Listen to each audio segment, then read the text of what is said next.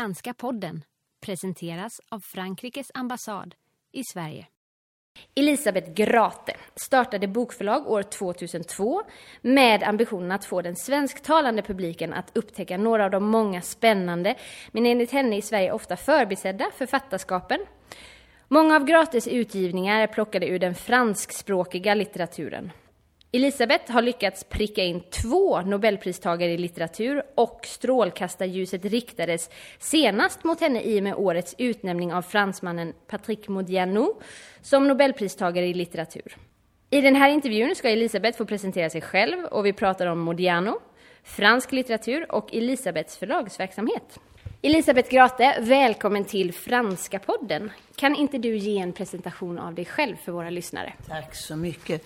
Ja, en presentation av mig själv eh, i egenskap av förläggare kanske helt enkelt. Jo, jag startade alltså förlaget 2002 och med den ambitionen som du just nämnde att eh, få de här franska författarna, särskilt kvinnor då var det faktiskt frågan om, så jag tänkte, kvinnliga författarskap franskspråkiga, inte nödvändigtvis fransk, franska alltså, utan franskspråkiga, eh, att de blev översatta så att en publik som inte kunde läsa på franska skulle kunna ta dem till sig.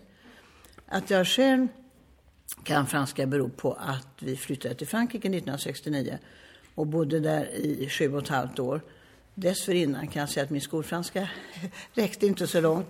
Så jag hade, eh, men när jag väl hade lärt mig franska så insåg jag hur fantastiskt, ja, eller rättare sagt hur många fantastiskt bra författare det fanns som inte hade blivit översatta till svenska. Och att då kunna introducera dem var en eh, idé som jag hade haft länge genom att jag hade pratat väldigt mycket om att starta ett bokförlag tidigare. Och eh, det började med att en fransk eh, libanesisk författare framträdde på Franska institutet. Först, eh, och läste ur sin roman och läste dikter.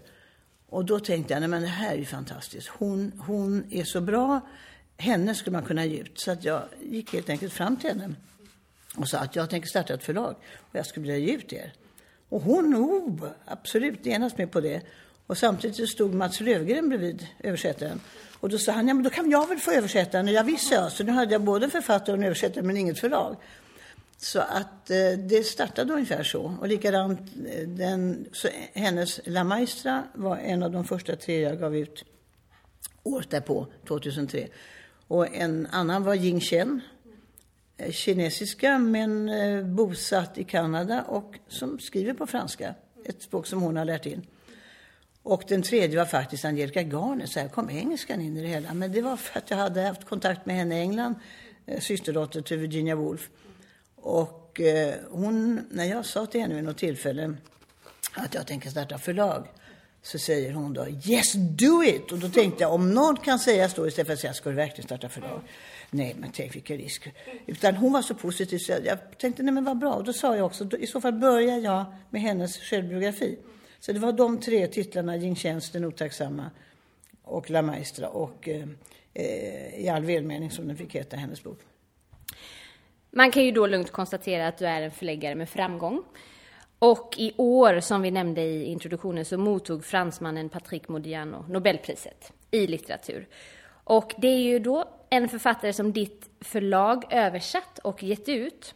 Och han är inte den första. 2008 så mottog Jean-Marie Gustave Le Clésio samma pris och även han är utgiven hos dig. Och att du då har gett ut två Nobelpristagare måste man ändå säga är remarkabelt. Kan du prata lite om Modiano och Le Clésio? Vad utmärker deras respektive författarskap och vad har de för likheter, eventuella olikheter enligt dig? Om vi börjar med Le Clésio som var den som fick vårt första Nobelpris för sex år sedan. Så eh, var det så att jag hade faktiskt bara läst en bok av honom. Och det var en bok, en resebok som han hade skrivit tillsammans med sin fru Remia. Om en resa i Marocko, därifrån hon är. Och, eh, men så läste min man och jag Afrikanen.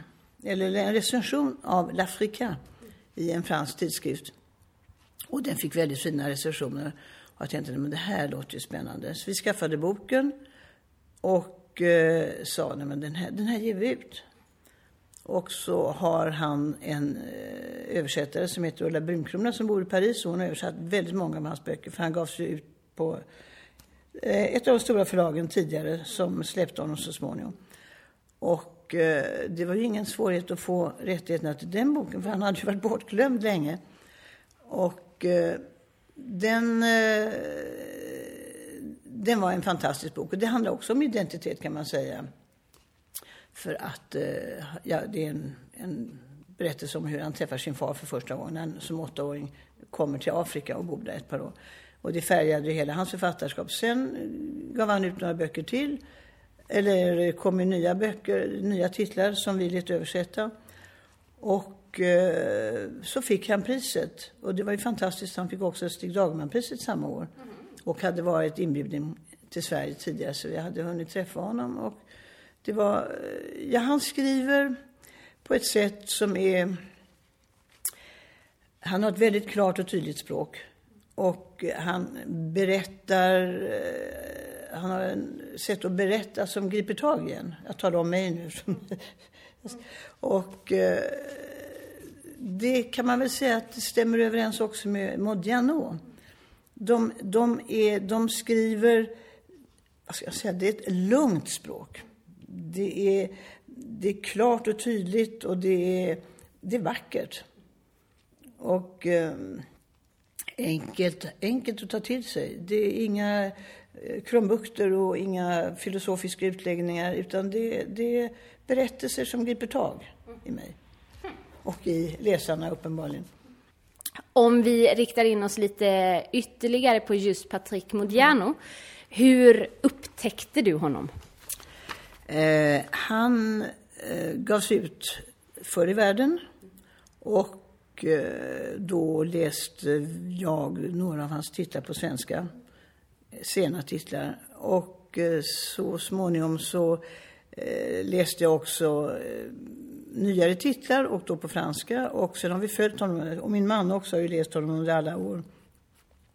Och eh, väl, har vi varit väldigt förtjusta i honom hela tiden. Alla dessa böcker som har kommit sedan man släppte honom då på tidigt 90-tal. Och eh, vid något tillfälle så, så sa vi, nej men nu, nu, nu, nu tar vi fast och ger ut en bok av honom som vi båda tyckte mycket om, nämligen Lilla smycket, La Petite Bijou. Och eh, den eh, väckte väl ingen stor uppmärksamhet när den kom. Men det, fanns, det finns en, hel, en grupp personer, kanske mer än min generation, alltså 40-talisterna, som har läst honom och följt honom och som är väldigt förtjusta i honom. Så att eh, de hörde av sig och eh, var glada. Och kommer det fler och kommer det fler? Ja, det kom fler. För sen året därpå så gav vi ut Nätternas gräs, alltså förra året, 2013. Och eh, den eh, fick ett genomslag genom särskilt en väldigt jublande recension. Så då väcktes han till liv igen, alltså, eller fick ett, fick ett nytt, fick ett genomslag helt enkelt hos en publik som inte kände till honom innan. Och naturligtvis alla vi andra då, som har följt honom, som, som blev väldigt glada. Och eh, så i år gav vi ut, nu lagom till bokmässan, kom Dora Broder, som inte är en roman utan som han inte har gett någon genrebeteckning eh, själv, Modiano, utan eh, som är en, eh, ett utforskande av ett försvinnande. En flicka som försvinner, en judisk flicka i Paris under ockupationen, tyskarnas ockupation då, 1940, början av 40-talet. Så att under tiden, de här böckerna då som har översatts under tiden fortsätter jag ju att läsa honom och det som har kommit under de sista, vad ska jag säga, sista 20 eller 15 åren kan vi säga. Och i Frankrike är han ju stor och där har det kommit ut en samlingsvolym till exempel med tidigare självbiografiska berättelser. Och där är ju, det är underbara berättelser i den och eh, som verkligen tar tag i en. Och sen har han också kom, förekommit i en eh, tidskrift som heter Lerne där man har, mm, som kom för några år sedan, som är som en tjock lunta faktiskt med foton och berättelser om och av honom. Så att eh, jag har fått ett grepp om personen bakom också. Och han är, han är oerhört fascinerande. Alltså han, han, man, man påstår att han skriver samma berättelse hela tiden. Man kan säga att han har använt sig av samma tema hela tiden. Och det är ju återigen det här barndomen, en barndom där mamman är artist från Belgien.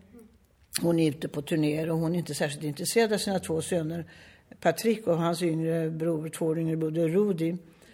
Och pappan som är av judisk börd och eh, liksom håller sig undan under de här svåra ockupationsåren och har lite skumraskhistorier för sig. Han eh, har ju inte tid för sin son eller sina söner heller så att eh, Eh, de, sätts i, de lämnas till vänner helt enkelt. De, det finns alltid någon som tar hand om dem. Mammans vänner, kvinnor, där de sätts, ja, får bo och gå i skolan och eh, allt. det innebär att, att inte ha sina föräldrar utan alltid bo hos främmande människor. Sen dör brodern i en sjukdom när han är tio år. Och den tolvåriga Patrik blir ensam. Han har ju ingen eh, sammansvuren längre. Utan nu är han ensam och sätts i olika internat. Verkligen interneras kan man säga. Internat är verkligen ett utmärkt ord där. Och han avskyr ju dessa eh, sovsalar, eh, dessa strikta regler, att vara inlåst helt enkelt. Och till och med i Paris när pappan eh, bor i stan och eh, har en våning så får han inte komma hem efter skolans slut utan bor kvar, är alltså en internerad även där. Och det här återkommer i alla hans romaner skulle jag vilja säga. Att någon försöker rymma från någonting. Samma sak i Dora Broder. Flickan rymmer från ett internat där hon är. Men där skyddas hon ju som judinna från eh, den här förföljelsen. Så att det är en säker plats å andra sidan. Men hon, eh, hon rymmer därifrån. Hon vill ha frihet. Han säger i boken att kanske vet hon att hon inte kommer leva länge, att hon kommer bli fast och att hon vill passa på och, njuta av den här friheten. Och i, i, ja, i alla böcker praktiskt taget så är det antingen, alltså huvudpersonen heter ofta Jean. Det är också ett, ett andra namn till honom. Och denna Jean som antingen kan vara jag i vissa berättelser då, eller är Jean, är alltid ute och driver någonstans utan giltiga identitetshandlingar. Alltså det handlar ju mycket om detta att inte ha några papper. Antingen är han minderårig och kan alltså inte göra, förflytta sig eller ta in på hotell, vilket ofta personerna gör i hans böcker. Det är, man skulle kunna kalla dem för någon slags lösdrivare i den meningen att det är unga människor, det är ofta en man och en kvinna, Jean och en yngre kvinna. Och de träffas och det visar sig att ingen av dem eh, har några handlingar som kan bevisa vilka de är och att de har rätt att vara det de är och de har ju svårt att söka jobb för att då ska man ju ha papper på vem man är och varför man kommer och så vidare. Så att det här är, i alla hans böcker så finns det här, man kom, dras in i en stämning redan första meningarna. Och sen är det en hotbild som liksom vilar över det hela. Ett hot, just det här att man, man driver omkring och, och har ingen fast plats i tillvaron. Men sen så finns det också, som jag tycker, ett, i, i böckerna, det finns alltid folk som finns där för dem till slut. Någon som hjälper. Till exempel i Lilla smycket som är, tycker jag, en typisk Modiaro-roman. En ensam flicka som hamnar på olika ställen hos olika människor som hjälper henne och som tar tillfällig anställning som barnflicka. Det återkommer i andra böcker också. Så att eh, det är den här stämningen av, som ett vilande hot. Och att sen naturligtvis om vi ska ta sådana saker, jag vet inte om vi talar nu bara om, om, hans böcker eller om vi ska gå vidare, men det finns ju vissa ingredienser i böckerna som, man, som väl gör att man säger att det är samma bok. Det är den här svarta anteckningsboken som är fullklottad med namn och adresser som ofta inte leder någon vart. Telefonnummer som har, för, telefonen existerar inte längre och så vidare. Och sen de här ofta då eh, kvinnor, eh, en man som träffar en kvinna, en ung man, och hur kvinnan sen försvinner och inte lämnar några spår efter sig. Det återkommer i otaliga böcker. Plus den här boken då, man försöker, det minne och glömska, det är två ingredienser. Man glömmer bort och försöker minnas. Och det, det, det, ja, det är otroligt spännande tycker jag. Kommer det komma några fler utgivningar av Modiano via er? Definitivt. Det finns några på lut redan och jag har lite tankar om andra titlar också. Så att eh, så länge jag kommer hålla på så kommer jag fortsätta ut honom. Det är min ambition och det var det från första början. Det är min förståelse att just svenska var ett av de första språken som Modiano översattes till. Eh, finns det någon förklaring bakom det? Tror du att han slår an någonting särskilt hos svenskarna och att det gör att man förstår att han, han kommer funka här för svenskarna, just hans författarskap? Vad är din eh, utveckling på den frågan? Ja, jag tänker så här att alltså, den första som gavs ut var 1970. Och eh, på 70-talet och även jag menar tidigare, 50, 60, 70, 80-talet, så var ju fransk litteratur intressant. Det var nytt och spännande. Det var ett land som man reste till. Man får dit som, eh, för att studera eller ta jobb eller Eh, alltså Frankrike var ett populärt resmål och då var det intressant att läsa franska böcker. Det gavs ut mycket fransk litteratur faktiskt. Och att läsa om eh, tillvaron där och jag tänker på eh, François Sagan som fick ett enormt genomslag. Mm, och han var ju också ung, eh, Modiano, när han gavs ut. Han var ju bara 23 år. Och eh, gjorde då sin debut som, som väckte ett enormt uppseende. Och Eh, jag tror att, eh, och det var ju många andra författare också, jag menar, eh, som gavs ut och det var spännande med det här franska språket och att kunna läsa det då i översättning. Och sen tror jag det också som att eh, vad vi har gemensamt eller vad som slår an. Dels är det, det är spännande att läsa om Frankrike. Och sen tror jag att, eh, ja det är väl det, nyfikenhet på vad händer där borta, vad är det man skriver om? Och det, var ju, eh, det hade ju varit studentrevolt och man, man var nyfiken på Frankrike helt enkelt tror jag. Och sen har ju de här författarskapen förändrats, både Lucrezio och Modiano, från att ha varit eh, oroliga unga män och lite förvirrade båda två faktiskt och visste väl inte riktigt hur deras liv skulle fortsätta så um, har, de, har de ju förenklat sitt språk och blivit allvarsammare. Och vi är kanske lite allvarsamma i Sverige. Vi är ju något av enslingar, tänker jag. Jag tänker på hur, hur få, hur liten befolkning Sverige har. Visserligen är det inte någon stor yta, men ändå. Vi är väl ganska ensamma av oss, tänker jag. Och... Uh, och det här är ju spännande. Det är en spännande värld det här Frankrike och särskilt Modiano då som skriver om Paris. Paris är ju arenan för de flesta av hans mm, böcker. Och man kan ju gå med karta. Man, och det är ju kul, åker man ner då på en semestervecka, tänk att få gå i hans fotspår. Man just har läst honom. Det är ju ett underbart äventyr. Jag har själv försökt. Så att, eh, nej men det, det, det är inspirerande. Och sen är det ju som jag menar, om vi tar och tänker på hur deckarna har slagit de sista tio åren. Modianos böcker har ju samma spänning som en deckare, bara det att det finns inga, inga kulsprutor och automatvapen och, och, och, blod och sånt, utan det är ju den här psykologiska spänningen. Och det är det jag tycker är fantastiskt. Att man kan bli så oroad och känna sig så hotad bara att tränga in en text som bara med med vanliga vardagliga ord kanske, alltså det, det är lite Hitchcock. Mm. Fladdrande gardiner, duschdraperier som eh, skuggar på sig. Jag menar, psykologiskt. Intresset för fransk litteratur generellt i Sverige idag, hur ser det ut enligt dig? Jag tror att genom att vi kan säga, banade vägen på nytt för eh, fransk litteratur. Och att sen det lilla förlaget Sekva, som nu är ett stort förlag, vi samarbetar, också eh, började med fransk litteratur. Då är vi alltså två förlag och jag tycker att vi täcker väldigt bra både gammalt och nytt. Eh, gårdagens och dagens eh, litteratur faktiskt. Och jag tycker att jag ser att eh, intresset, eller det märker man när man är på mässor till exempel, att vi har ju, har ju en publik, det märks. Och att uh, många bokcirklar hör av sig och vill ha just våra då, franska böcker. Och då tycker jag att det, jag tror att det är ett mycket, ett, uh, jag ska inte säga nyvakna, för det var det väl för tio år sedan då, eller tolv när vi startade. Men det finns ett intresse för fransk litteratur, definitivt. Mm. Det gör det. Mm.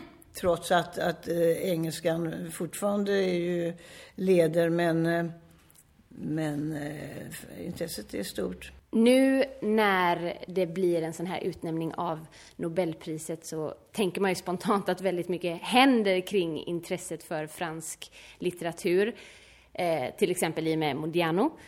Är det så? Märker ni en skillnad när, eh, när de öppnar portarna och annonserar vem som får det och, eh, och det börjar röra sig inom förlagsverksamheten? Vad, vad sker? Jo men absolut, och det gäller ju vilken, vilken Nobelpristagare som helst. Så att eh, när det gäller då Modiano så är det, blir ju, jag menar det blir en enorm, ett enormt, eh, en enorm uppmärksamhet. Mm. Och det gynnar ju naturligtvis förlaget för då kan ju även andra titlar komma fram. Överhuvudtaget ens utgivning eh, visas ju upp då.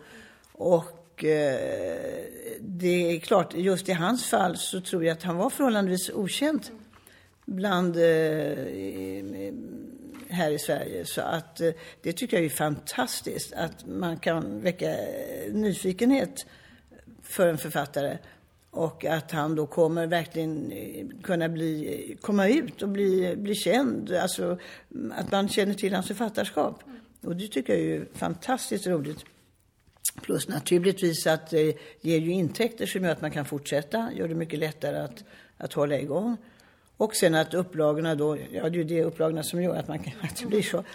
Så att från att kanske ha gett ut då 1500 av en titel, som det kanske fanns kvar i lagren när han fick, så, så blir det då 15 000 istället. Och det gör ju skillnad.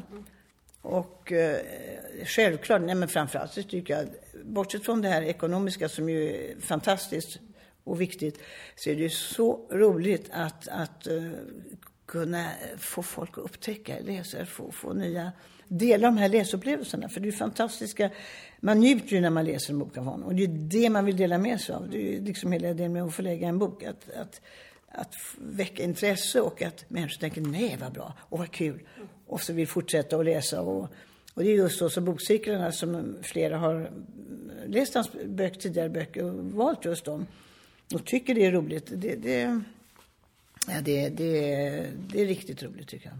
Du som är så insatt inom fransk litteratur, har du några tips på, på samtida franska författare för svenskarna att upptäcka?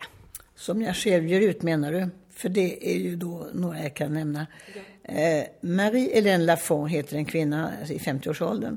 Hon är väldigt stolt att bli kallad bonddotter. Hon är uppvuxen på en bondgård i sydvästra Frankrike. Och hon, hon skriver fantastiska berättelser från, det här, från den trakten. Hur det är att vara, bo på landet, att sköta en bondgård, eh, att eh, livet på landet. Och hennes språk, hon arbetar med språket någonting otroligt finslipade.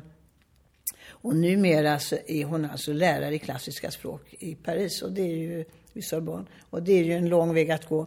Men tills hon var 18 år bodde hon på den här bondgården och hon vet ju hur allting fungerar på en bondgård och hur människorna beter sig. Och hon, vi gav ut en bok för, förra året var det, som heter Annonsen som handlar just om någon som kommer till en bondgård och det är livet där. Svara på en annons. Bonde söker fru. Det låter inte kul men det är så. Och den är en underbar eh, berättelse. Och hon har också skrivit flera i samma genre om denna del av landet, Cantal, och hur människorna lever. Och nu har hon just kommit till Frankrike med en bok som, som eh, tydligen kom, kommer få hur många priser som helst, som jag håller på att läsa. Men dessförinnan har hon skrivit en annan bok som fantastiskt bra också. Så henne vill jag fortsätta med. Mm. Och sen finns det ju de här unga, Nina Boravi till exempel, som vi har gett ut åtta böcker av. Och hon fortsätter att skriva. Och Abdelataya är en spännande författare. Han är från Marocko men bor, lever i Paris precis som Nina Boravi som har en algerisk pappa. Och eh, de, de håller jag på med hela tiden, fortsätter med. Så att det blir inte så mycket plats att ta in nykomlingar dessvärre. Så att, eh, men eh, ja, det finns många andra också naturligtvis. Men de är mycket bra. Tack så hemskt mycket Elisabeth Grater för att du tog dig tid. Tack för att du kom hit och ställde frågorna.